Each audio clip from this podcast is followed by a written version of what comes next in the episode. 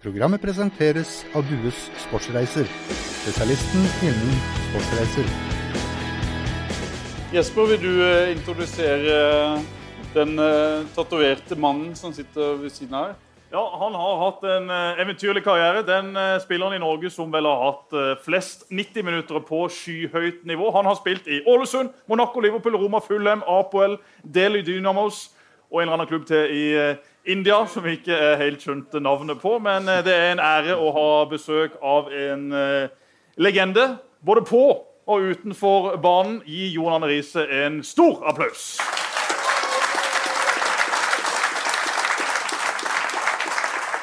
Hvordan er det å være her, eh, Jon Arne? Du kommer rett fra vinteren til fantastisk sol og sommer på Sørlandet. Det må være et sjokk? Jeg var og sykla i går morges åtte mil Ålesund, og det var ja, syv grader og regn og vind. Så det var deilig å komme hit og oppleve sola. Det er ikke ofte vi ser den eh, i Ålesund. Du trener fortsatt mye? Jeg tok med et, Siden jeg holdt på i 20 år, tenkte jeg nå må jeg ta meg pause. Så jeg tok eh, tre og en halv måned fri uten å trene noen ting. Spiste det jeg ville, drakk det jeg ville. og Hva skjedde? Ehm, jeg tror det som skjer med alle folk, at det kiloa kom som faen. Altså. Det var, For du fortsatt å spise like mye, eller kanskje enda mer? Uh... jeg spiste mer usunt og drakk mer usunt eh, enn jeg har gjort på lenge. Og, eller noen gang. Eh, men det var meninga. Jeg ville liksom nyte det for en gangs skyld på 20 år. Mens nå har jeg begynt hardkjøres. Nå er det trening hver dag, og jeg skal ned til eh, matchvekt igjen. på Vil du si hvor mye du la på deg i løpet av de månedene du var For jeg har ikke gått på vekt engang, så jeg har ikke peiling. Eh, men du ser det selv i speilet, da. Eh, men nå har jeg sluttet å se meg i speilet også, så da får jeg bare se hvordan det går. Men, Men Du har vært eh, i Kristiansand eh, for ikke så lenge siden også. har jeg det? Ja. Du kjørte iallfall forbi Kristiansand på vei til Søgne. Ja, jeg har Jeg har, eh, jeg har en kone som driver med noe interiørgreier. Så var jeg så dum å si at ja, men jeg, kan, jeg kan kjøre varer for dere hvis dere trenger hjelp. Og så hadde jeg startet sammen med hun, eh, Anna Rasmussen, som da bor eh, ganske langt fra Ålesund. Så da eh, I Søgne. i Søgne, ja. Så da ble det jeg, en varebil og møbler i 15 timer ned. Og 15 timer hjem igjen, helt alene. Det var jævlig gøy, altså. Det si. Uten å sove. Så det, Jeg håper ikke du hadde med deg møblene hjem igjen. nei, men det, det er sykt at du kjører 15 timer, drittrøtt, kommer, ut, leverer bare på en halvtime. Så er det faen meg 15 timer hjem igjen også. Ikke veis, det er mat på noen ting eh, hos Anna Rasmussen og dem. Så det, men hva gjør man ikke for, eh, for at butikken skal gå bra? Vi må snakke om eh, fotballen og en eventyrlig karriere, Jon Arne. Eh, vi kan begynne helt på slutten. Du bestemte deg for å legge opp for eh, ja, eh, For fjerde gang. Nøyaktig et år siden, omtrent. Ja, det det at når man legger opp til at jeg sier det ut da, Men klart, du har et, inni meg sjøl tenker jeg at jeg er jo god nok for det ene og det andre. Og så for Ålesund så er jeg sikker på at jeg skulle ta tippeligaen med storm. Det, var, det var planen min at jeg skulle komme hjem og dominere. Så kommer det hjem og blir brukt eh, hva si, feil. Jeg blir sånn som nummer ti-rolle, som jeg aldri jeg har ikke spilt siden jeg var 14. Eh, jeg ville helst spille midtstopper, men det skjedde ikke. Og det endte med at jeg fikk eh, jævlig med trøkk fra media. Og alt som skjedde med Ålesund, var min feil.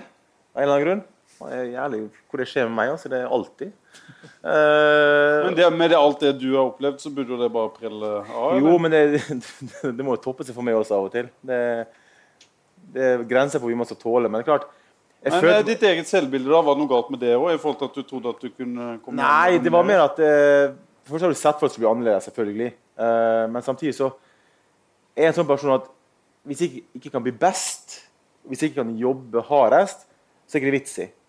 Eh, og når jeg var i Ålesund, så mista jeg litt den der gnisten. Det som liksom har vært min forse da, fra jeg var 13 år og trente 21 ganger i uka da jeg var 13, til den dag for et år siden. Så har jeg alltid trent mest, jobba hardest. Eh, og den forsvant. Jeg mista det. Og da føler jeg at jeg gidder ikke være i Ålesund og spille på 80% ikke gjøre den jobben som skal gjøres, bare for å være der. Det er bedre å jobbe med noe annet. Så jeg da bestemte meg for at jeg tar en pause.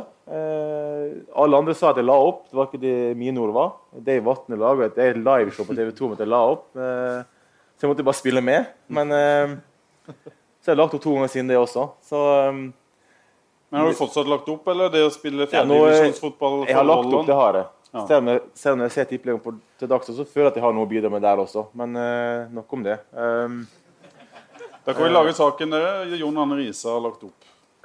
ja, men nå Ja. spiller jeg amatørfotball på Rollon. Eh, litt for å holde meg i form, litt for å ha altså, Fotball har vært livet mitt. Eh, så jeg spiller noen kamper og trener litt her og der. Eh, men så store passion nå er crossfit og sykling. Er som det har fått skikkelig Syns du det er gøy med crossfit? Crossfit er Det er sirkeltrening med musikk. Det er så mange som har begynt med crossfit. altså, for det er ikke Jeg sagt, jeg sa ikke at det er gøy, Nei, men det er sykt bra trening. ja, Og, det er akkurat det, det er trening, det er ikke konkurranse. men For Noen som trener crossfit, tror at de skal være med i olympiske leker neste gang. Og det skjer ikke. Crossfit er sirkeltrening med musikk. Det er for folk som ikke er gode nok i fotball, håndball, basket, tennis, friidrett. Det er jo det. ja, men, må du ikke drepe Ja, men det er mange- Ja, men det er mange han, har jo oppnådd mye mer enn alle her til sammen på en fotballbane. Det er ikke det jeg sier, men, Jo, men det- finnes så mange som ikke har mislykkes i orientering, langrenn, skiskyting. Og så begynner de med crossfit, og så poster de det på sosiale medier. Og så tror de at det er King Kong. Altså, Hvor vanskelig er det å drive med crossfit? Hive vekk til værs? Det er jo ikke så himla vanskelig. Du trenger ikke noe talent for det. Det eneste du trenger, er å bruke tid på det. faen, du kan Men, prate, men altså. du, du koser deg med crossfit. Du. Det er umulig å komme til når du prater. Um, det er så gøy nå, er at jeg kan trene som jeg vil, og gjøre akkurat det jeg vil. Ja, men Hvis du skal gjøre hva du vil, så trener du ikke crossfit. Jo, for det, det Jeg liker å teste meg sjøl, og jeg husker første økta med han jeg har sånn personlig trener som setter opp program. Så var det gjelder romaskiner. Aldri rodd i mitt liv. Så sier han du skal ro 500 meter, 10 Det er vel burpees stort sett og det du har gjort hele karrieren. Ro. ro 500 meter, Ti burpees, gjør det ti ganger uten stopp. Innen en viss tid. Um, Fytt i helvete. At jeg la meg og spydde som en hest etterpå. For det er sånn, Du, du gikk ikke 50 ikke sant? Du skal, ja, men Nå skal jeg vise hva jeg kan.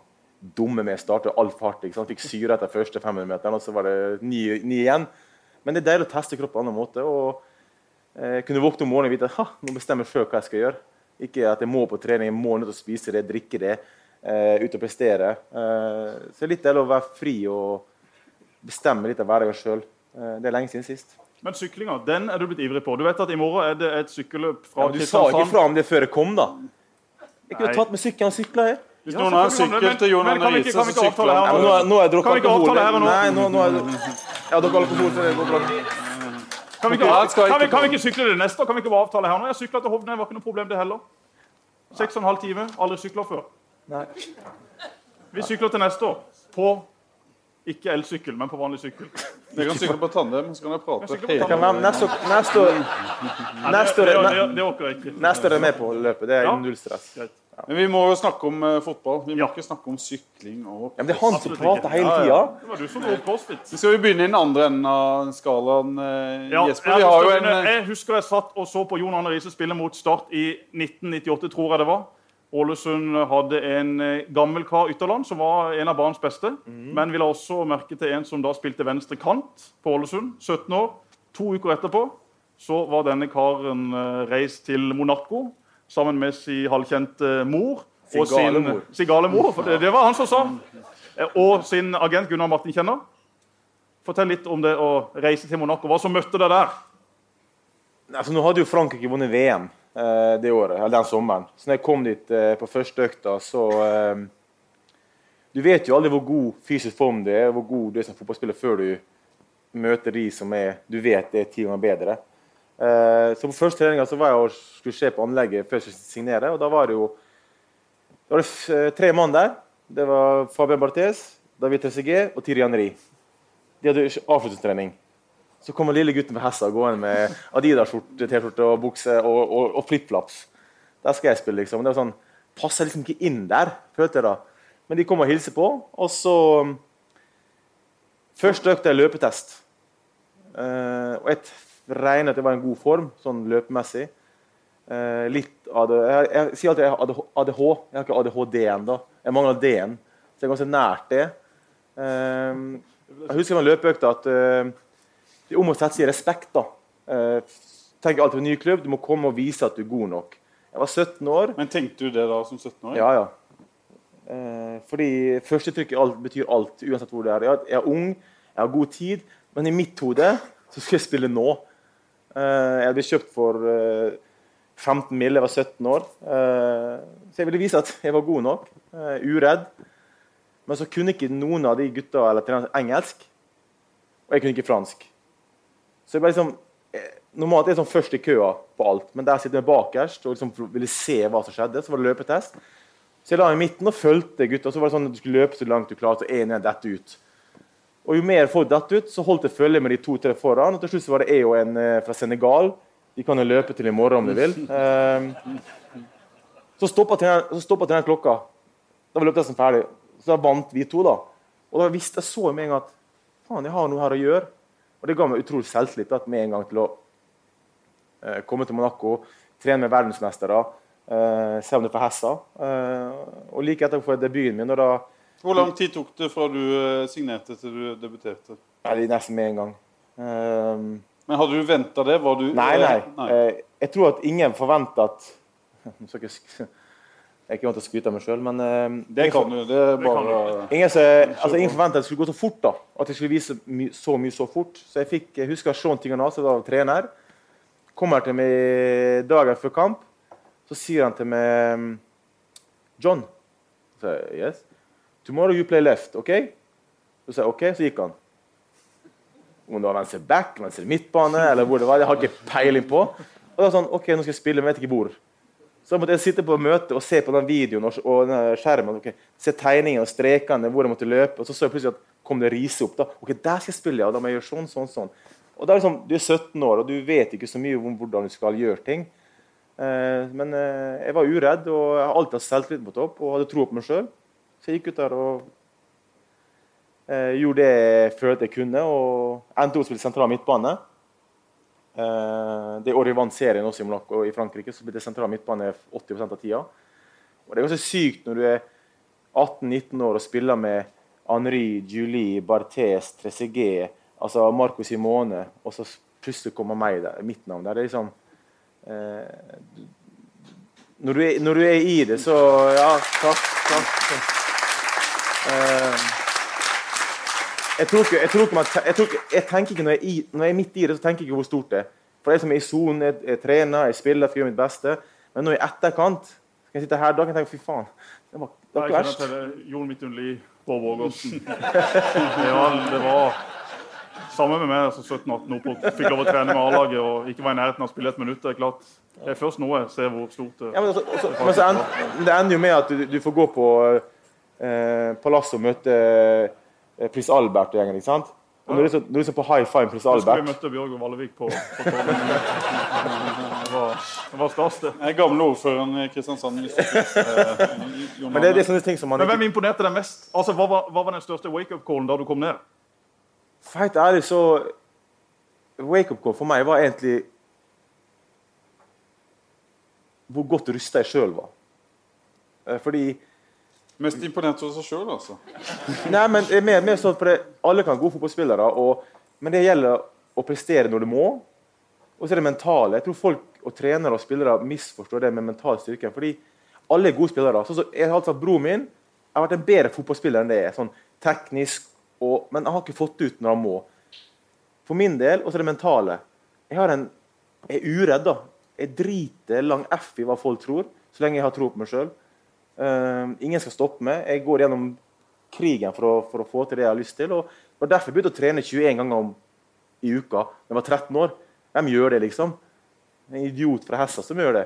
Og så har du en gal mor som driver og skriker etter deg i tillegg. Du, må jo bare gjøre det. Men er det også derfor du har eh, blitt en hakkekylling og sikkert brent deg noen ganger også? Jeg har ikke brent meg noen ganger. Jeg har og dønn ærlig. Nei, det nei, det, Nei, du, nei, du har ikke, all, du har ikke Nei, alltid, ting- alltid Du har likt Nei. rampelyset. Det er jo åpenbart at du har, har likt å, være i rampelyset. Eh, Nei, det skal sies at uh, jeg begynte ganske tidlig alder å si uh, drømmene mine, uh, hva jeg har lyst til å oppnå, og det sa jeg høyt utad. Det er veldig unorsk, men det var ting som pusha meg til å trene hardere. For hvis, jeg, jeg sånn, hvis jeg sier det utad, så hele norske folket vet om det, så er det større press på meg hvis jeg ikke klarer det. Men hvis jeg samtidig sier det høyt, så vet jeg selv at jeg kan pushe meg og trene enda hardere. For hvis jeg oppnår det, så er det sånn Fuck ut til alle sammen som, som ikke tror på meg. Og det gir et ekstra press på meg at jeg må trene hardere. For jeg skal gjøre det. Jeg skal oppnå, jeg skal få de der kritikerne til å snu. Og når jeg gikk ut som 18-åring eller 17-åring Altså, det var vel 95% av norske trenere og eksperter som slakta meg. Og 95% av dem har kommet i etterkant og sagt de tok feil. Og For meg er det en seier i seg sjøl og bevis på at de 21 øktene i uka jeg var stadig med 13, har funka. Og ja, jeg har sagt mye rart og mye dumt og gjort mye dumt. Men det har gjort med den personen jeg er i dag, og det har hjulpet meg til å prestere så høyt som jeg har lyst til å gjøre. Og jeg skal være ærlig innrømme at noe av det jeg har sagt og gjort, har vært planlagt. Kan du, kan du gi et eksempel?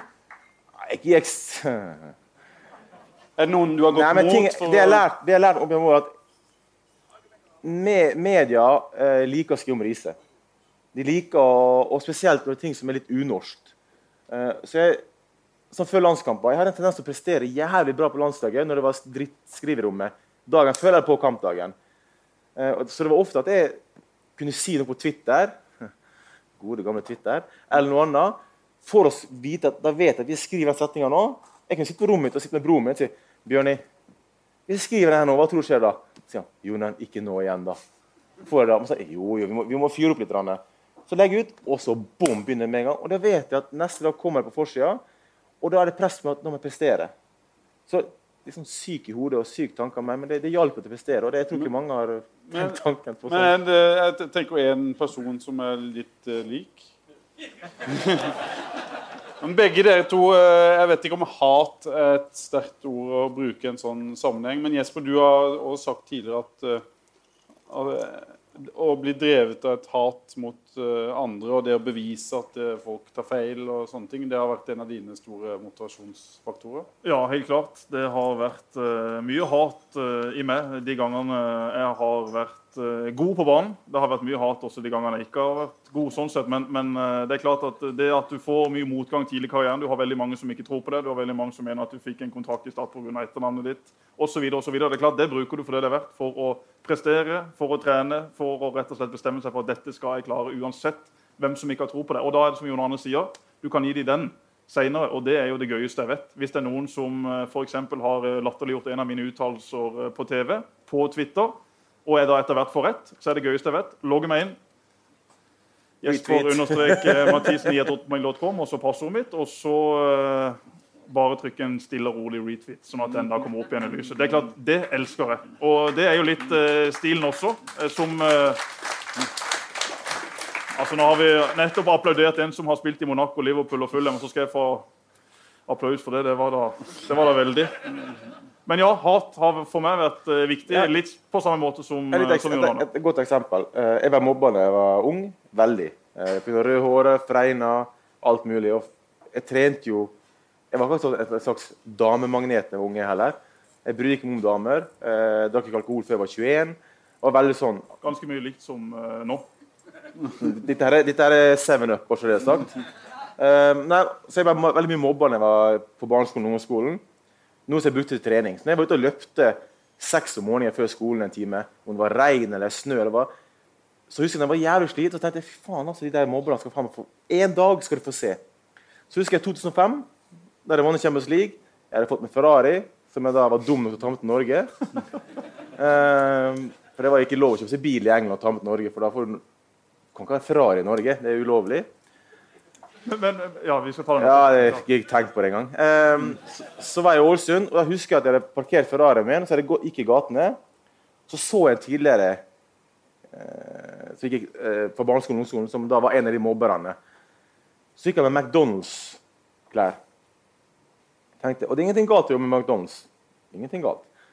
Og så så at han gikk inn på McDonald's. tenkte jeg, hm, hva skal jeg gjøre nå? Så gikk jeg inn på McDonald's. Du skulle tatt Ferrarien til drive-in! Ja, det var ikke drive-in, det var midt i sentrum. Ja, det var, men, og så gikk jeg inn på McDonald's og så sørget for å stå i kø der han jobba. Der han tok med bestilling. Og jeg sa ingenting. Jeg gjorde ingenting spesielt. Ikke så bestilte jeg en Big Mac, ekte cheeseburger, masse ketsjup, bare for å jobbe mest mulig. Så så jeg på han, betalte, og jeg kunne se i øynene hans at han så hvem jeg var. Og så bare gikk jeg rolig ut. Skal ha det dyreste du skal Ja, men da visste jeg Der står du med McDonald's, som var så tøff når du var på barneskolen. Her står jeg med Ferrari Champions yours, tenkte jeg bare, så bare gikk ut. Og det var så for meg var en seier for meg, da. Uten å ja. Du kom jo eh, først skikkelig i vinden. Kanskje du, du ble jo kjent eh, tidlig i Monaco, men det tok jo skikkelig av da Liverpool eh, plutselig kom på, på banen. Det er jo sikkert det, det mange her har lyst til å høre om den perioden der. Hvordan, hvordan utspilte det seg? Nei, så jeg var jo, eh, Sean Tingana hadde tatt over eh, Fulham. Eh, han kjøpte Monaco og gikk til Fulham. Og jeg skulle til Fulham egentlig i 2001. Jeg satt i Frankrike på feriehuset til Tingana. Kontrakten var diskutert. Eh, agenten min og selvfølgelig My Crazy Mother sto bak meg. Eh, og så skulle jeg signere. Jeg satt med penna i hånda, gikk gjennom disse detaljene. og sånt. Idet jeg tar penna i arket, så ringer telefonen til agenten min. Så blir jeg litt forbanna. Men for faen, slå av telefonen, sier jeg. Jeg vet, jeg må ta den her, sier han. Så går han ut. Så må jeg vente, for jeg kan ikke signere før agenten min står der. Sitter og tripper sånn, og litt sånn Fy faen, Premier League, liksom. Hoho. Og så går det fem minutter, så kommer jeg tilbake til hvisker i øret mitt. Eh, vi må gå.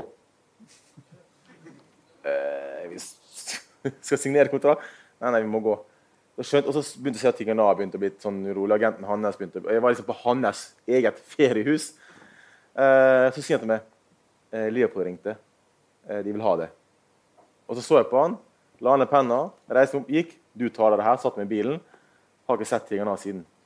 Og da dro jeg til Liverpool og eh, ble henta på flyplassen og kjørt til stadion. Da sto det i avisene hjemme, eller i England at, jeg skulle, at de var interessert i meg. da. Så det var en, fan, en del fans på stadion. Hvor gammel var du da? 20 år? Ja, 20, år. Og så øh, går agenten inn og diskuterer kontrakt, mens jeg går med Gerard Holier inn på stadion for å vise meg tribunen. og sånt. Så står jeg på, i midten av det kopp, ser utover hele stadion, grønt teppe, sola skinner. Så sier han til meg Do you wanna play here? Du spør en 20-åring om det. ikke sant? det er jo... Så da sa jeg of course, og så signerte vi. og da... Eh, men der også var det snakk om å For da hadde de vunnet treble året før Leopold. De vunnet, eller den sommeren. De hadde vunnet FA-cup, Lia-cup og Uefa-cup. Og kom da til en 20-åring, ganske ukjent egentlig, så var det igjen snakk om å eh, sette seg respekt. For Jeg hadde hørt rykte om at uh, Gerard og Carriger har en sånn uh, velkomsthilsen til nye spillere som kalles The Sandwich. Som da betyr at de på trening legger ballen i midten og tar en side hver og pum, kutter det. Det er sånn velkommen til klubben. Heldigvis var det løpetest første økta for meg. Uh, og da visste jeg at jeg var fysisk sterk. Uh, og så var det en kilometersløype. De hadde laget sånn runding, og så var det om å løpe i 45 minutter. Så mange runder du klarte. Så tenkte jeg "Fuh, nå har jeg sjansen. tenkte jeg. Og de gutta sto og prata, og så går fløyta, og så stikker jeg. Jeg flyr av gårde. Så hører jeg Gerard og Didi Haman baki. 'We'll catch him later', sier de. Skjedde aldri. Overlappa med runde på runde. Vant løpetesten. Slapp sandwichen. Og hørte i etterkant det var grunnen til at jeg ble tatt så godt imot av gutta. da. Fordi jeg kom til å vise at jeg har lyst til å bevise noe. Jeg, ikke tro, jeg, jeg tror ikke jeg hadde Jeg kom ikke til å tro det var noe, da. Sånn som visse andre kanskje. Sånn som eksempel El Haji Diouf. For eksempel. Kommer og tror han er Guds gave til verden. Da, da blir du tatt med en gang. Mens jeg var veldig sånn ydmyk. Eh, gjorde det, og satt med respekt med en gang. Og så hjelper jo det selvfølgelig å Fortell hva som skjedde i første treningskamp for Liverpool på Stad eh, Louise Ja, jeg, Vi hadde jo første offisielle treningskamp, sånn, supercupen mot Bayern München. Og det var jeg selvfølgelig i Monaco. Og selvfølgelig skåret jeg i min første offisielle kamp på min gamle hjemmebane. Igjen som hjelper en del på selvtilliten og setter respekt. Og så da i tillegg skåra mot eh, Everton, United og Newcastle de første to månedene. Da gjør det noe at du kommer lettere inn i gruppa da, og gir meg selvtillit på at jeg tror på at jeg er god nok. Ehm, og så husker jeg at uh, Holier sa til meg før sesongen jeg signerte, og sa han, John, if you play 15 games as a sub or starting, I'm very happy. Jeg spilte 65 av 66 kamper, så jeg, synes jeg tror jeg klarte meg bra den første sesongen.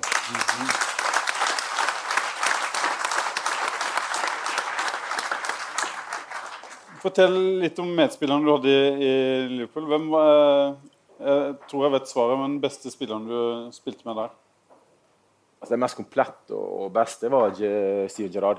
Han eh, er veldig opptatt av å tenke på hvordan på banen, men også utenfor banen. Eh, For er du en idiot utenfor, så får du ikke mye skryt fra meg. Også, for det er viktig å være en, en, en flott person også. Og Gerrard var en fantastisk eh, spiller, person, kaptein. eh, Og en som hadde alt, egentlig. Eh, Så han var egentlig Det var han og Carragher sammen hyppig som kom mest connecta vi da, eh, i den perioden jeg var der. Så, Bellamy? Hæ? Ikke, ikke Bellamy? Jo, vi, var, vi var på golfferie sammen. Det var veldig hyggelig. Hva skjedde der? Du jævla idiot. Vi må ha, vi må ha de episodene her òg. Det, ble- det ble mye skriverier om det. At eh, du var rett og slett havna i En ting sier Dere må kjøpe biografien min som kommer om eh, tre år. Fordi det, sånn. det er min historie. Den bestiller vi allerede. Nei, altså Det Bellamy-greia var eh, Om jeg skal ta en sensurert eller usensurert Nei, versjon? du, usensurert. du er i Kristiansand. Ingen som kjenner Ja, her. vi- tror det jeg sier noe som ikke er ærlig, eller? Dette går ingen steder. Jeg er kjent for å være ærlig, ikke det? Så Ja, det ja. Vi har ikke invitert Nei, det vi fikk beskjed om å um, Vi var i Spania for å Eller Portugal. Spania, Portugal, Portugal. Portugal. På en sånn femdagers treningstur før vi skulle mot Barcelona i Champions League borte. Eh, så vi var der for trening med fint vær, for i England var ikke det så fint vær. Så en kveld fikk jeg lov å gå ut og spise middag og ta en øl eller to. Jeg drakk ikke øl eller sånne ting. Og kjent engelsk så er det selvfølgelig noen som ikke vet hva tallet to er. De, det blir flere enn to. Ehm, så under middagen så Vi var på sånn restaurant i et rom, men utenfor det var karaokebar i tillegg. Så under hele middagen så satt Bellamy og den jævla mikrofon og sa ja, Reece is gonna sing, Reece is gonna sing. Og jeg nekta, jeg skal ikke synge. Han, men jo fullere han ble, jo mer irriterende ble han. Um, og så var vi ferdig med middagen, så gikk vi inn i den der eh, karaokebaren for å sitte der litt. Og da tar han mikrofonen på hele anlegget og sier det høyt. Du må bare stoppe litt. Dette er altså bare noen eh, dager før dere skal spille en ekstremt tre, ja. viktig Ja. kamp mot eh, Barcelona i Champions League, Ja. som dere senere vant det året. Det ender med at eh, han sier det igjen, og da går jeg bort til han, tar fingeren og sier 'shut the fuck up'. I'm not gonna sing. I'm gonna batter you, sier jeg. Og så blir jeg sjokkert over liksom, reaksjonen min, og gutta sitter rundt. Og så tar jeg med samme hyppia, som ikke var helt uh, edru. Ta taxi hjem til, hotell, uh, til leilighetene. Da går jeg. Så bor på rommet Daniel Egger. Han var selvfølgelig ikke hjemme når jeg kom hjem heller. Uh, så la jeg meg ned og sov. Eh, så, går lys, og så hører jeg nøkler i døra. tenker jeg, nå kommer Egger hjem. Så jeg lå med ryggen til. Så smelles lyset på. Og du vet når du våkner og så, og så lyset, du ser jo ikke en dritt. Så jeg, jeg snur meg, og da ser jeg da bellet med ei jævla golfkølle. Så ligger jeg sånn som det her, med beina sånn. Og så kommer han, og så smeller han golfkølla over skinnbeina mine. Så jeg rekker akkurat å hoppe ut av senga, sånn det her, så han bomma. Han tror fast jeg har vært ferdig. Så reiser jeg opp, og så står jeg som et hjørne med en jævla du vet, sånn tynne lakendyner. Så står jeg der og tenker ok, hva faen skjedde nå? Jeg kan nesten ikke se på det lyset. Og du ser at han er full. liksom. Så begynner han å true med med en andre og snakke om barna sine. Han driter om jeg må i fengsel, om han må i fengsel. og Nå skal faen meg ta meg. Ingen snakker sånn for meg. Og så tenker jeg OK. Så slår jeg meg to ganger til. Så blokker jeg det med, med den feite ræva mi. Så jeg får jo svære blemmer, og, altså lilla og gul og alt på. Så tenker jeg hvis han går for meg en gang til, så må jeg ta han. For det syke da er at i den situasjonen så tenker jeg hvis jeg gjør noe nå, så risikerer jeg plassen min i klubben. At da ryker. Da blir jeg solgt. Selv i en situasjon der hvor jeg egentlig skal bare hoppe på han og banke han, så tenker jeg nei, nå må jeg ikke gjøre noe, for jeg har ikke lyst til å miste liksom, laget mitt. Men så tenker jeg, Han kan ikke bare stå og slå meg, liksom. med golfkølle. Du står med en, et laken. Uh, så jeg tenker at går han for meg nå, så må jeg ta han. Um, han gjør ikke det. Han sier bare at 'Tomorrow morning, 9 o'clock, outside my room, me and you gonna finish this'. tenkte jeg, Haha. Og jeg var jo- er jo større og sterkere. Så tenkte jeg, ok, see you tomorrow. Så går han. og Så blir det jo å ringe legen, for jeg må sjekke beinet mitt. Og så kommer Benitez, så blir det fullt hysteri. Og så er det Jersey Dudek i håndjern inn i politibilen. Og så ja, masse rart. Dudek? Ja, det er en annen historie. Eh, polakk, det- polakk vet du, drikker vodka. Ja. Det går ikke bra. det ble mye bråk av dette. Hæ? det ble mye bråk i eh, Ja, men jo, men så bare møte dagen etter, og så De ender med å ta ble solgt til slutt, men på møte, og så var det trening dagen etter. Og da ler jo alle gutta, ikke sant? For det er sånn, Vi prøver liksom å lede vekk, på en måte. Um, men jeg sto opp klokka ni neste morgen for å gå til rommet hans. Så jeg gikk til rommet, banka på som faen. Han var jo ikke der. Han var der kanskje? Han sov, eller? Nei, så gikk jeg til frokosten, så kom han etterpå, og da var han altså Snakk om å holde seg unna eh, rødhåra riser. for å si Sånn. At jeg har rødt hår fra før, men da var jeg så forbanna at det, det røyk over håret mitt. Men jeg klarte å holde meg ro, noe som jeg tror redda karrieren min da, i Liverpool, fordi han ble solgt den sommeren. Men det som syke i den kampen, da, er at Barcelona går opp i 1-0. Skårer Bellamy 1-1 Og jubler med og jubler med å feire med golfsving. Da er jo, da er historien kjent i avisene. Når Ja, det var, og, og da feira vi det. Hva tenkte så, du da? Det var jo ikke det gladeste i min karriere. Men klart, jeg var glad for å skåre 1-1. Det var en lagspiller. Så jeg liksom lot det gå. Og så ender det med at eh, jeg skårer seiersmålet, som han gir meg assist på. Eh, så skårer jeg 2-1, så vi vinner 2-1 på, på kamp nå. Eh, og feirer, og han kommer løpende og hopper i armene mine. Og klart, Jeg er jo lagspiller, og det er klart det er jævlig kult. Og for seg, eneste målet som går med høyre, det er på kamp nå. Høyrefoten min er død, men eh, I'm Sandra, and I'm just the professional your small business was looking for. But you didn't hire me because you didn't use LinkedIn jobs. LinkedIn has professionals you can't find anywhere else, including those who aren't actively looking for a new job but might be open to the perfect role, like me. In a given month, over 70% of LinkedIn users don't visit other leading job sites. So if you're not looking on LinkedIn, you'll miss out on great candidates like Sandra. Start hiring professionals like a professional. Post your free job on linkedin.com/people today. Hver gang jeg får spørsmål hvor mange om vi hører? nei, bare ett. Kommer til kvartfinale mot kampen nå på mot Barcelona, så liksom, da er det greit, liksom.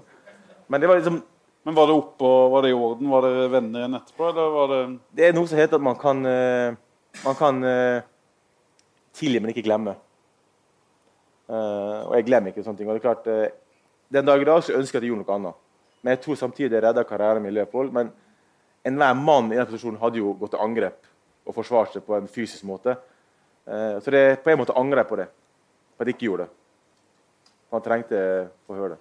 vi må, Mens vi er i det landskapet på angrep, du vet jo hva som kommer da. Eh, er Noe som er godt kjent for mange her, sikkert. En episode på eh, bussen i Drammen. eh, Landslagssamling. Det har vært eh, trening.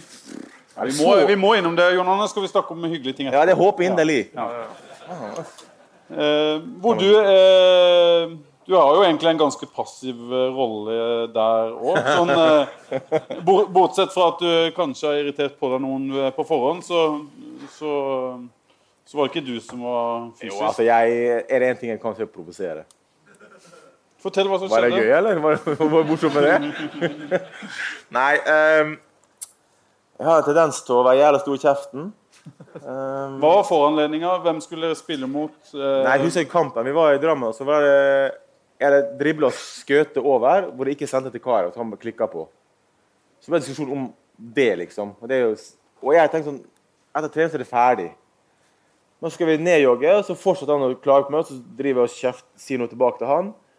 Så driver og spytter foran ham, for vi løper rundt med han, så driver og legger sånn spytteklatter foran foten hans hele veien. for å irritere, Mens han kommer med kommentarer. Så jævlig barnslig. vet du. Men der og da følte jeg riktig. Uh, var ung en gang, jeg òg. men så tøyer vi, og så går det bussen. da, og I mitt hode er det ferdig. Fordi det er sånn det er i fotball. Man kan skjelle ut hverandre. Jeg skjelte ut Gerard på trening, og så er det ferdig etterpå. Det er sånn det er. Så satt jeg i bussen med telefonen min inn til vinduet. Registrerer hvem som går forbi meg. Og så sitter karer to setter bak meg. Det vet jeg ikke. Og så slenger jeg en kommentar, og så svarer jeg sånn, der, sånn løs mens jeg sitter på telefonen min. Så går det to sekunder, og så kjenner jeg bare en, en knyttneve der.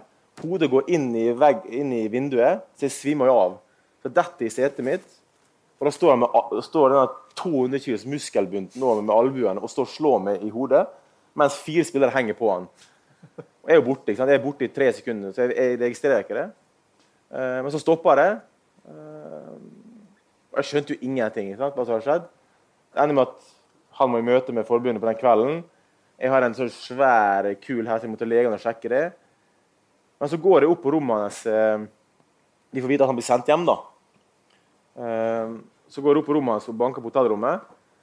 Vet jeg faen hvorfor jeg gjorde det, for jeg er jo dødsredd fyren. Han er jo så svær. Ja, sterkere mann skal ikke lete lenger etter. Altså, fy faen. Uh, så går jeg for å snakke med for jeg, liker ikke å være i krangel med noen utenom Bellamy. Eh, og og i hvert fall de som er større enn meg. Eh, så gikk jeg inn på rommet og banka på, og da satt han i senga. Så jeg, jeg kjenner jo Jon Carew fra mange år. Jeg vet, dette var ikke Jon Carew. Men samtidig så tror jeg det var en periode i hans liv hvor det ikke var så lett, fordi han gikk gjennom en del ting privat som, som han må svare på, men som kom fram med, barn og liksom ja. Så, så Da satt vi og snakka om det på hotellrommet, og vi nesten lo av hverandre. Hva faen holder vi på med, liksom? Og Jeg sitter med den, kulen der, og eh, de døstrene sitter i rommet og er sånn shaky, men vi ler av det, og vi blir jo venner, selvfølgelig. Eh, og nå er vi veldig gode, vi spiller golf sammen, og vi er best buddies, liksom. Men det er liksom, nå, gikk litt for langt. Men der utenomsportslige ting tror jeg påvirker eh, hva man tenker underveis. da. Så, men eh, jeg har en tendens til å havne i ting som ingen andre klarer.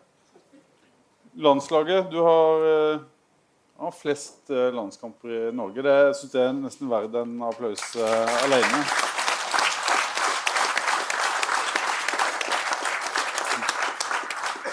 Men det var litt viktig for deg òg å, å, Å ha rekorden? den lista? Å ha rekorden? Ja, det Det var Jeg satte mål da jeg var ung. Det var å bli Norges beste fotballspiller og flest landskamper. Det satte jeg meg som mål da jeg var 11 eller 12. Um, Var du Norges beste fotballspiller mens du holdt på? Eh, Jeg mener at jeg var i den perioden, ja.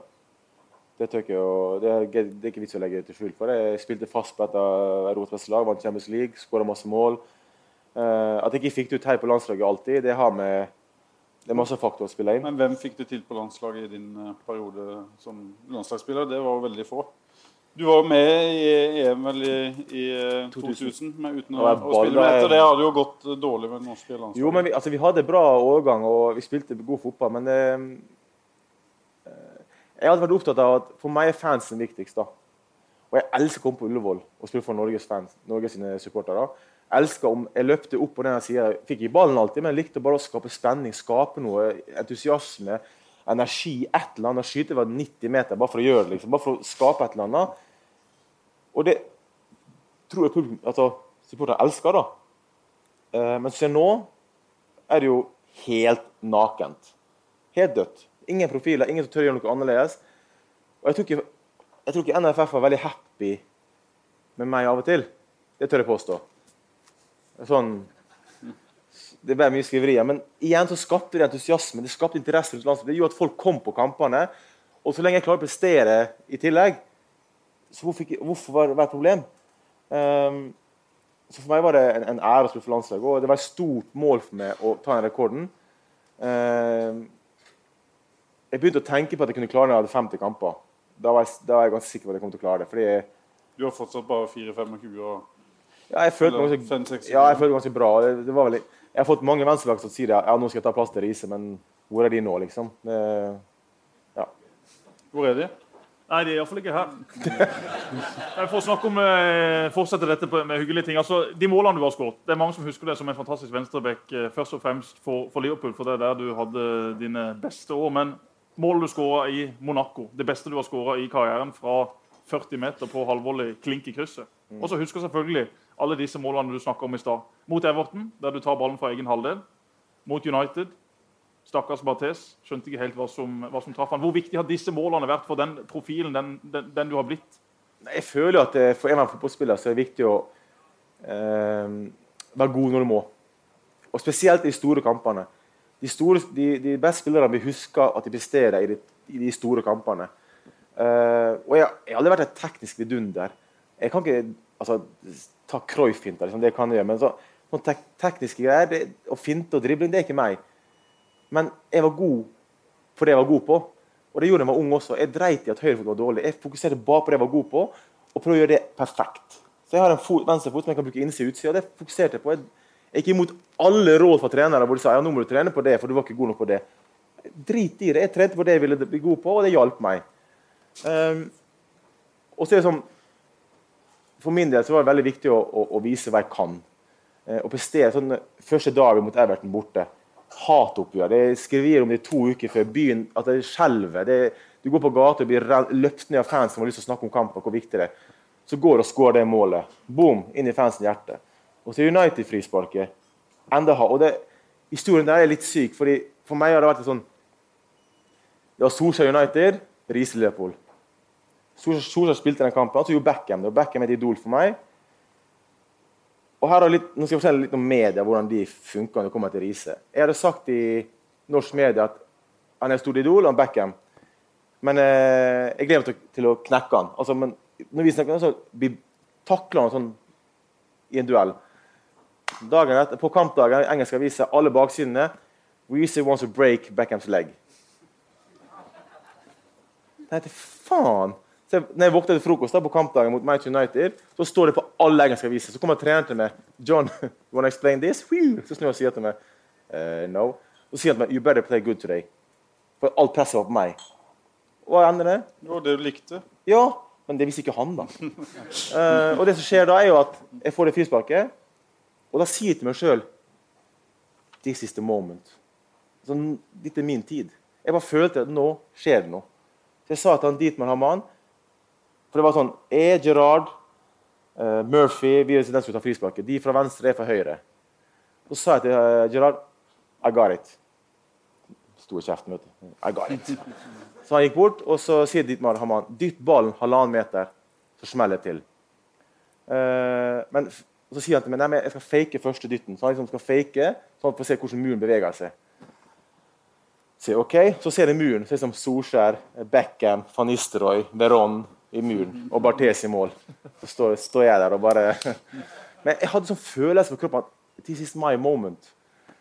Uh, og så faker han første. Og så skal jeg, jeg starte løpet, men så dytter han ballen lenge før det. Så jeg, jeg får en sånn rykknapp i starten min. Uh, og så treffer jeg, og det er sånn som i golf. En av de treffer, Jeg følte ikke jeg traff ballen engang.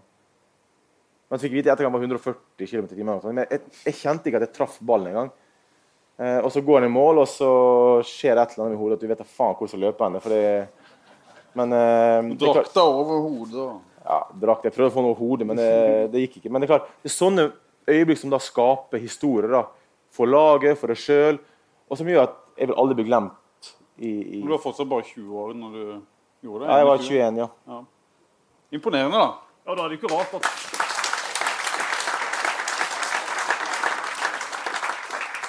Og Det er veldig lett for eh, andre folk også å sitte og si ja, du var ikke voksen på den tida og du mista litt huet, men det er ikke så himla mange som ikke hadde gjort det. Altså Hadde jeg skåra et, uh, et sånt mål mot eh, United eller mot Liverpool, ja Du Da skulle du sett på både den ene og den andre fra. Lamborghini nedover marken. Poenget er at du tror, altså, jeg kom til en periode i livet hvor jeg følte jeg var uovervinnelig. At jeg kunne ikke tape. Jeg følte jeg gikk på en sky. altså Alt gikk min vei. Jeg dreit i at folk kritiserte meg eller var uenig i ting jeg gjorde. og sånn. Men altså, alt gikk min vei. På, på klubblaget, eh, på landslaget gikk det OK for min del. Eh, altså, Privat går det til helvete alltid, men i hvert fall fotballmessig. Så jeg følte at ingenting kunne stoppe meg. da. Og den følelsen gjør at du, du mister litt fotfeste, litt sånn realiteten hva som er normalt. For jeg vokste opp eh, ikke med god råd og sånn. Så, men følte at alt bare gikk min Det vei. er derfor det har gått litt eh, unnskyld til helvete privat, fordi du har vært så ærgjerrig Nei, og, nei, og det, så eh, rett frem, og du har bare ett mål. altså, min neste jobb skal bli da. Det er min neste jobb. for det, Jeg har prøvd tre ganger. så det... Men jeg, jeg tror bare at man gjør ting fordi man føler det er riktig. Og når man er proff og bor i utlandet, vekke fra familie og venner, så gjør man ting for å Man lyst til å skape familie, ha barn og, og, og leve så mye så normalt som mulig.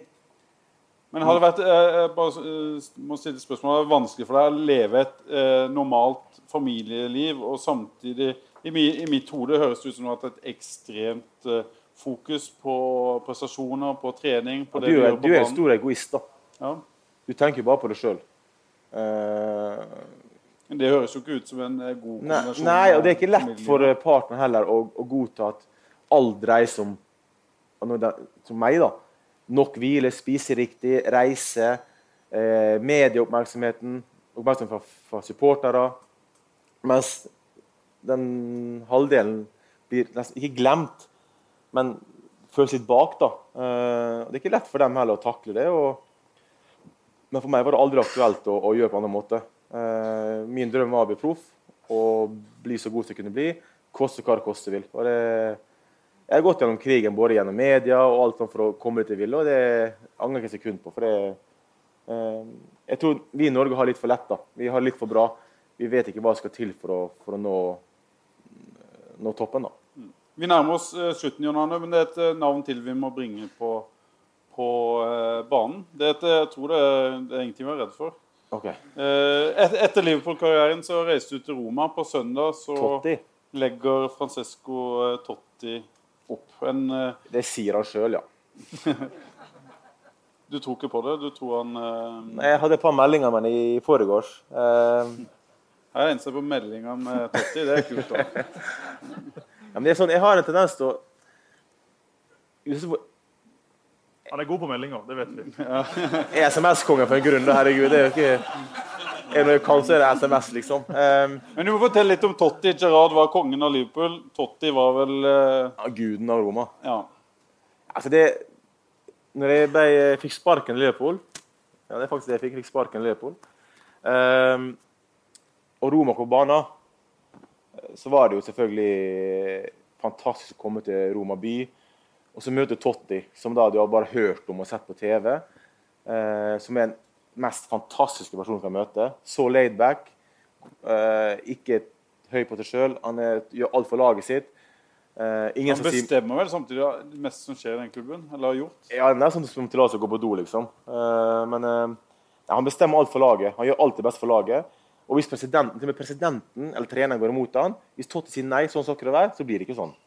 Sånn er det. Og jeg fikk veldig godt forhold til Totti. Jeg har en tendens til å er veldig åpen, da. Jeg veldig prater mye, ler mye og tuller mye sjølironi, så det, det, er lett å komme i kontakt med. Eh, spesielt med 7-Up i blodet, så går det veldig bra. Men han var en fantastisk person med måten han stilte opp for, for spillerne på. Ikke snakka engelsk heller. Og det samme i Italia. at Ingen snakka engelsk da jeg kom dit. Og jeg snakka Men Lærte du det engelsk? Eller? Jeg først måtte lære meg fransk i Frankrike. Og så kom jeg til Italia, og så faen ingen snakker engelsk der. Så måtte jeg lære meg italiensk. Og det er klart eh, Jeg husker jeg Den testen jeg fikk i, i, i Roma, var Er det skåra mot Juventus borte, eh, seiersmål mot Ju- i 94. minutt, så kom meg og ropa og sier John, eh, live on Sky Sport eh, after shower. Jeg sier OK. Så går hun bort sier By the way, it's in Italian. Og det har vært i tre og en halv måned. tenkte. Så jeg tok lang dusj. Håpet at programmet skulle bli ferdig. ikke sending. ikke Jeg, jeg har italiensk live altså på TV. Så gikk jeg og så begynte to damer i studio med headsetet og snakke italiensk. Og det går ikke akkurat i 50, det går i 400. Brrr. Og så svarer jeg på italiensk. Det, det skjer noe med hodet mitt. Så bare kom italiensken som pokkeren. Fem minutter prating fram og tilbake. Får applaus av publikum i studio. Tar dem med. Jeg var så svett. Altså, det var ringe rundt. At det var, Du sa ikke nei? Nei, men det har med at Du må respektere landet du bor i. Uh, og jeg har sagt nei. Da har jeg sagt sånn hm, Hvorfor ikke? Programmet presenteres av Dues Sportsreiser. Vi må høre litt om Champions League. Hva sa Benitez egentlig i pausen? Hva gjorde han? første Benitez gjør, er at uh, vi mener taktikken til 3-5-2. Fra 4-4-2, 4-4-1-1 til 3-5-2. Uh, så blir Jimmy Traore bytta ut. Han går og dusjer. Så kommer Steve Finnen og sier «Ei, jeg er litt følelse i grønnen. Jeg tør ikke ta sjansen. Da må Jimmy Traore komme fra dusjen, ta på seg klærne igjen for å spille andre gangen igjen. Så vi finner bytta ut. Det er ikke sånn at dere sitter i garderoben her og så hører dere stemninga ute på banen? Nei, jo, men det hørte vi etter at Benitez sier at OK, vi 3-5-2. Gutta, vi må nå gå ut og ikke tape andre omgang, sier han. Holde 3-0 så ikke blir 5-6-7. Uh, og så begynner fans å synge. Så vi hører jo faktisk fansen våre synge You Never Walk Alone inni garderoben. Det har vi aldri hørt før. Nå så gir jeg sånn OK, litt sånn litt troa. Og så har Gerard en liten samtale der man sier OK, boys. uh, if you get the first goal, you never know. Så går vi ut der og begynner ganske bra. Og Så har jeg innlegg hvor Gerard skårer 3-1, som gir oss litt troa uh, og energi. Så skårer vi 3-2 fire minutter etterpå. Og da ser vi på Milan-spillerne ok, nå begynner de å kjefte på hverandre. De begynner å bli nervøse, og vi har fått energi opp til himmelen. Liksom. Vi løper som en noen høner rundt der. Gerard er jo høyreback, venstreback, venstrekant, spiss, keeper. Uh, og så får vi 3-3 seks minutter etter den første skåringa. Noe som gjør at fy faen, vi kan vinne det her. Det er en halvtime igjen. har... Ja, men da sier vi til oss ok, nå må vi roe ned. Vi hadde løpt som noen galinger i det kvarteret av, eh, av andre omgang. At vi måtte ok, nå må vi roe ned. Da blir det en halvtime kriging. Jeg, begynner, jeg får krampe i begge leggene og ene bakside lår i 88. minutt. Og da vet jeg at det er en halvtime med ekstraomgang igjen. Og jeg tenker jeg skal knekke beinet for å gå den kampen. Ikke faen om jeg skal. Så det blir full tid, og så får jeg litt drikke, litt tøying, massasje. Så blir det 30 minutter ekstraomganger hvor det ikke skjer noe. Utenom at han, Sjevtsjenko har den store sjansen rett før slutta, med hvor du, tar handa og lukker øynene og treffer, og så går det over. Og så er straffe. Og da øh, Syke meg. Da går jeg rett bort, og så ser jeg Benitez gå rundt med denne, Han har alltid en lapp på en penn. hvor han noterer og tygger droppet sitt hele tida. Eh, og så ser han på meg, Så ser jeg på han, og så nikker han bare. Og Så nikker jeg, og så skjønte jeg ok, jeg tar straffe. Det var ikke så å spørre engang. Og jeg ville ta straffe. Jeg følte, altså, Hvem vil ikke ta straffe i Champions League-finalen, liksom? Uh, sikkert mange andre, men uh, sånn tenkte jeg, da. Og så uh, ender det med at i det, jeg er veldig godt sikker på straffe. Nå måtte jeg bare full power skyte keeper gjennom målet. Men så har jeg hatt krampe. Så den, den uh, våken fra midtbanen til straffefeltet var jævlig lang for meg. For jeg gikk og tenkte plassere hardt, plassere hardt. Jeg hadde ikke bestemt meg. Jeg var så usikker. Og jeg legger ned ballen. Ennå ikke bestemt meg hva jeg skal gjøre. Legger ned ballen, Snur meg og går tilbake. Plassere hardt, plassere hardt. Og, det, så vet jeg at 100 millioner ser på TV. This is my moment, tenker jeg. Så bestemmer jeg for å plassere fordi jeg er redd for å få krampe. Idet jeg setter standfoten, så jeg redd for å få krampe at liksom, foten knekker sammen. Eh, til jeg plasserer, å gjøre, men de er redda. Og Så går jeg tilbake til midtbanen, så sier Carrick til meg Ginge, Dida goes to the same side every time. Og sier Why didn't you fucking tell me before I took the penalty then? Altså, han, han går til samme side, og så sa han det før straffa mi, men etter jeg bomma, da sier han han går til samme side hver gang. Og Det har ikke jeg sett, da. Men eh, så bommer jeg, men vi vinner jo til slutt. Eh, og kan vel si at det, det er tidenes finale og tidenes feiring. og Det største du opplevde i karrieren? Uten tvil. altså det, For enhver fotballspiller til å kunne bare være Champions League-finale, men også vinne Champions League-finale i den måten vi gjorde det på, det er ikke noe større enn det. Og eh, jeg tror dessverre ikke folk hjemme i stua skjønner Først bare komme til et lag som har sjanse til å være med i Champions League, og så spille, og så komme dit, og så vinne. Jeg tror ikke folk skjønner hva som ligger bak det, og hvor, vanskelig det egentlig er. Men eh, det vet jeg, og har vært der to ganger, faktisk. Og jeg er stolt over det, og føler at tiden på å legge opp for meg nå er fordi jeg har ikke mer jeg har lyst til å oppnå. Jeg har liksom gjort det jeg kan, og mer enn jeg kunne drømme om. Og da er det liksom greit å si OK, pakk sakene og gjør noe annet, og være happy med det livet jeg hadde. Du sitter her og drikker 7-Up og snakke med oss i stedet. Ja, Det var ikke sånn, til sola for en gangs skyld. Eh, Jeg tror eh, Er det noen du kjenner der borte, eller sitter sitter og flørter med noen? siden du ser der borte hele tiden? Nei, jeg har bare fått beskjed om at uh, ja, okay. vi er på uh, overtid. Jeg sitter og kikker på det. Nei, det har du ikke. Du er vant til det, er du ikke det? Eh, jo. Men jeg tror vi skal si takk for nå, eh, Jesper. Det har eh, Ingen spørsmål? vært eh, hyggelig. Skal vi åpne opp for en liten eh, spørsmålsrunde fra salen? Ingen som tør? Jo, nå har ikke dere alkohol, da tør dere.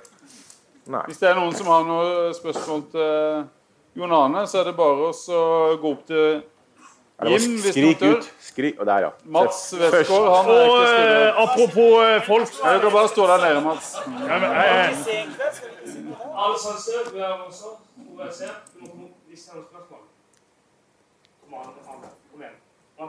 Men du, en, Jim, La- ting først. Altså, Han har vært gift to, tre, fire, fem Hvor mange ganger? Jeg har ikke tall lenger, så det er jo helt fint. Men denne karen som nå skal eh, ha mikrofon, han har i dag fridd til sin kjære Marie, og han fikk ja!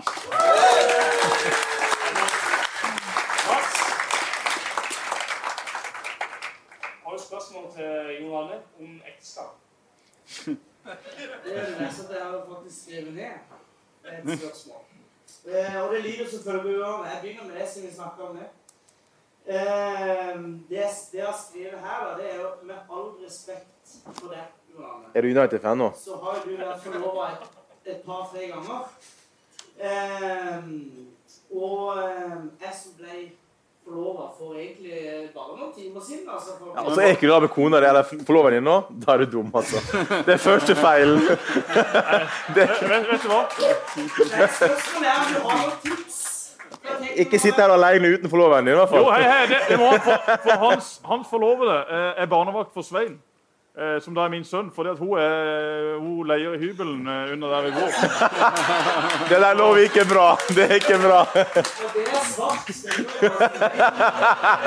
Det er ikke svart, det var fratrekk i leia. Jeg vet du hva, det Behandle damene med respekt og være der for henne. Damer er det viktigste. Å nei. Å nei. Eh, da er det sånn litt fotballspørsmål her, da. Eh, du sa tidligere at du mista gnisten altså, i fjor når du var for Ålesund. og så gikk du likevel til India. Mm. Og da er mitt spørsmål, Hva er det som på en måte, hva er gnisten til altså Hva var det som fikk fram gnisten med fotball eh, Da var til India? Det var, det- da var det Lind, eh, India hadde begynt eh, ny liga. Det var andre eller tredje året. Og jeg ville være en del av å bygge opp noe stort nå. Eh, India du sats- penger, Jon Arne. Det òg. og India satser veldig hardt på fotball. Eh, og jeg ville være en del av å bygge opp noe, gi dem noe, hjelpe dem. Ja, Fotball var en del av det, men også det der å, kunne være med og Jeg var på utallige fotballskoler med indiske eh, spillere. Unge gutter og jenter som, som spiller fotball og vil bli noe. Og de lever under vilkår som ikke vi kan drømme om engang. De så på gata, de har ikke skikkelig fotballsko, de spiller med sandaler. Og bare være en del av å kunne hjelpe dem, det var liksom det som tirra meg. Og så var det tre måneder. Eh, det var ikke sånn at jeg måtte trene hardt i tolv måneder og, og gi hele livet mitt. Det var å fokusere på tre måneder. Det, det følte jeg var verdt det. Eh, og det angrer jeg ikke på, for jeg fikk gode opplevelser der også. Og Og så var det noen gøye personligheter. Marco Materazzi, Roberto Carlos. ja, første år Roberto Carlos, som var min trener, han var jo mitt idol. Eh, så jeg gikk bort til han med en gang på første trening og sa 'selfie'. Det var første jeg sa til han, fordi han var såpass stort idol for meg. Vi hadde faktisk konkurranse om det. Eh, dessverre så har han mista litt av poweren sin, for han tapte hver skuddduell mot meg. i hvert fall. Det... Men han sa faktisk til meg da, at han hadde sett video av meg når jeg tok for Liverpool, hvordan jeg var offensivt. Jeg yeah, whatever, man. Så jeg bare til han. Han mente seriøst at han hadde sett meg spille fotball da, men, eh, og lært av meg. Men han for meg var stor idol. Så Marco Materazzi i fjor, som en helt annen personlighet, som er veldig sånn på, på, på benken, veldig eh, eh, veldig aggressiv. Han sier veldig mye. På italiensk, da, så ingen indiere skjønner det. Men uh, fantastisk å være en del av de, de to. altså. Arne Sandstø må få lov å stille et uh, spørsmål, så tror jeg vi skal gi oss herfra. Er er. Og jeg trodde Arne Sandstø skulle stille spørsmål til Johan Riise. Det hadde jeg gleda meg, det hadde jeg gledet meg til, altså. Hvis det noen har spørsmål til Arne. Dere i gult. Og blått. Men det er disse to her. Er det noe å lure på? Hvis ikke Så skal Jon Arne Sorry, Så et spørsmål til, sa du. Eh, det var ikke det, Arne. Eh, Bortsett fra hvor du har fått dialekter fra. Det kan du kanskje svare på. Åssen den blitt det? Jeg har ikke bodd i Bergen siden eh, 88, så jeg er litt miljøskadet av alle steder. Miljøskadd var svaret, for de som ikke hørte det. Men eh, Johan Arne, er jo eh, United-supporter. Sjokk. Det skjønte jeg tydelig. Men du har hatt mange gode minner mot, eh, mot United. Men kan du si hva som er ditt verste minne?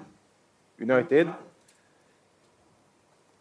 Uff, Det kan vel være på godt og vondt, egentlig. Det var For Liverpool-supporter er kanskje det beste, mens for meg så var det, og United-fans er det ganske det Det var da jeg knakk LSM sin ankel. Han eh, var dum nok til å stå i mur. Eh, det som skjer, er at jeg får frispark, dytt, skal skyte, han går til å blokkere. Og det han blokkerer, så treffer ballen i det skytet der, så knekker ankelen rett av. Um, det er klart For Liverpool-fansen på Anfield så var det selvfølgelig veldig stort.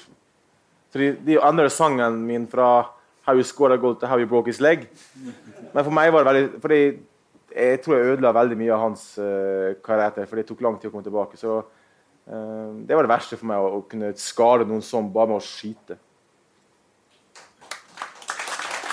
Så har vi et eh, spørsmål fra Ron her. Til deg, Arne. Du må komme opp, for du har ikke mikrofon på deg. Du må komme opp der som svarer. Ron, du har et spørsmål til Arne Sandstrøm. Han fikk kjøre i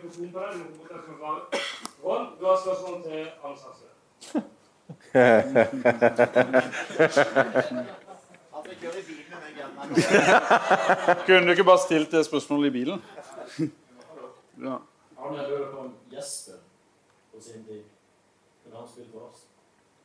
Åh, Kongespørsmål! Jesper var var trener, så var han eh, tilbake på skade. Og når vi spilte f.eks. 4-4, 4-4, liten bane, gjorde han akkurat som han ville. Han vendte vekk akkurat hvem han ville, og knalt han inn på det her og der. Helt, helt outstanding, ikke tullinger. Men det skjedde altfor sjelden.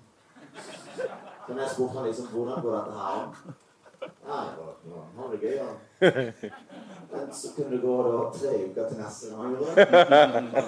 Eh, så Jesper på, med toppnivå, så var jo Jesper han var jo eh, Han er jo litt annen alderstrinn enn han andre legenden som sitter der.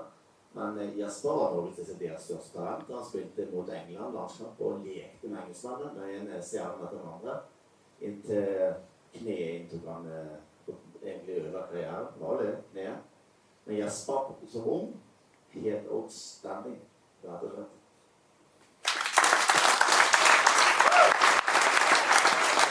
Smiske, smiske, altså. Det var jo en, det var en kjempe, kjempefin Ja, avslutning. da syns jeg vi kan eh, avslutte Jesper. og flytte fokus mot Start Jerv i morgen 15.00 på Sparebanken Sør eh, Arena. Det har vært en ære at så mange ville komme. Det har vært en ære å ha Jon Arne Riise på besøk. Du får eh, lov å komme akkurat når du vil ned til Sørlandet. Du har lovt at du skal komme ned på Palmesus allerede i juli. Kan det, det fordi, gå? det er fordi du gratis drikke, så det går fint. det blir dyrt for Det deg. skal vi fikse. Det skal vi fikse. Men Jim, du kan jo annonsere hva som skjer etterpå, så skal vi eh, gå av scenen. Programmet presenteres av Dues Sportsreiser, spesialisten innen sportsreiser.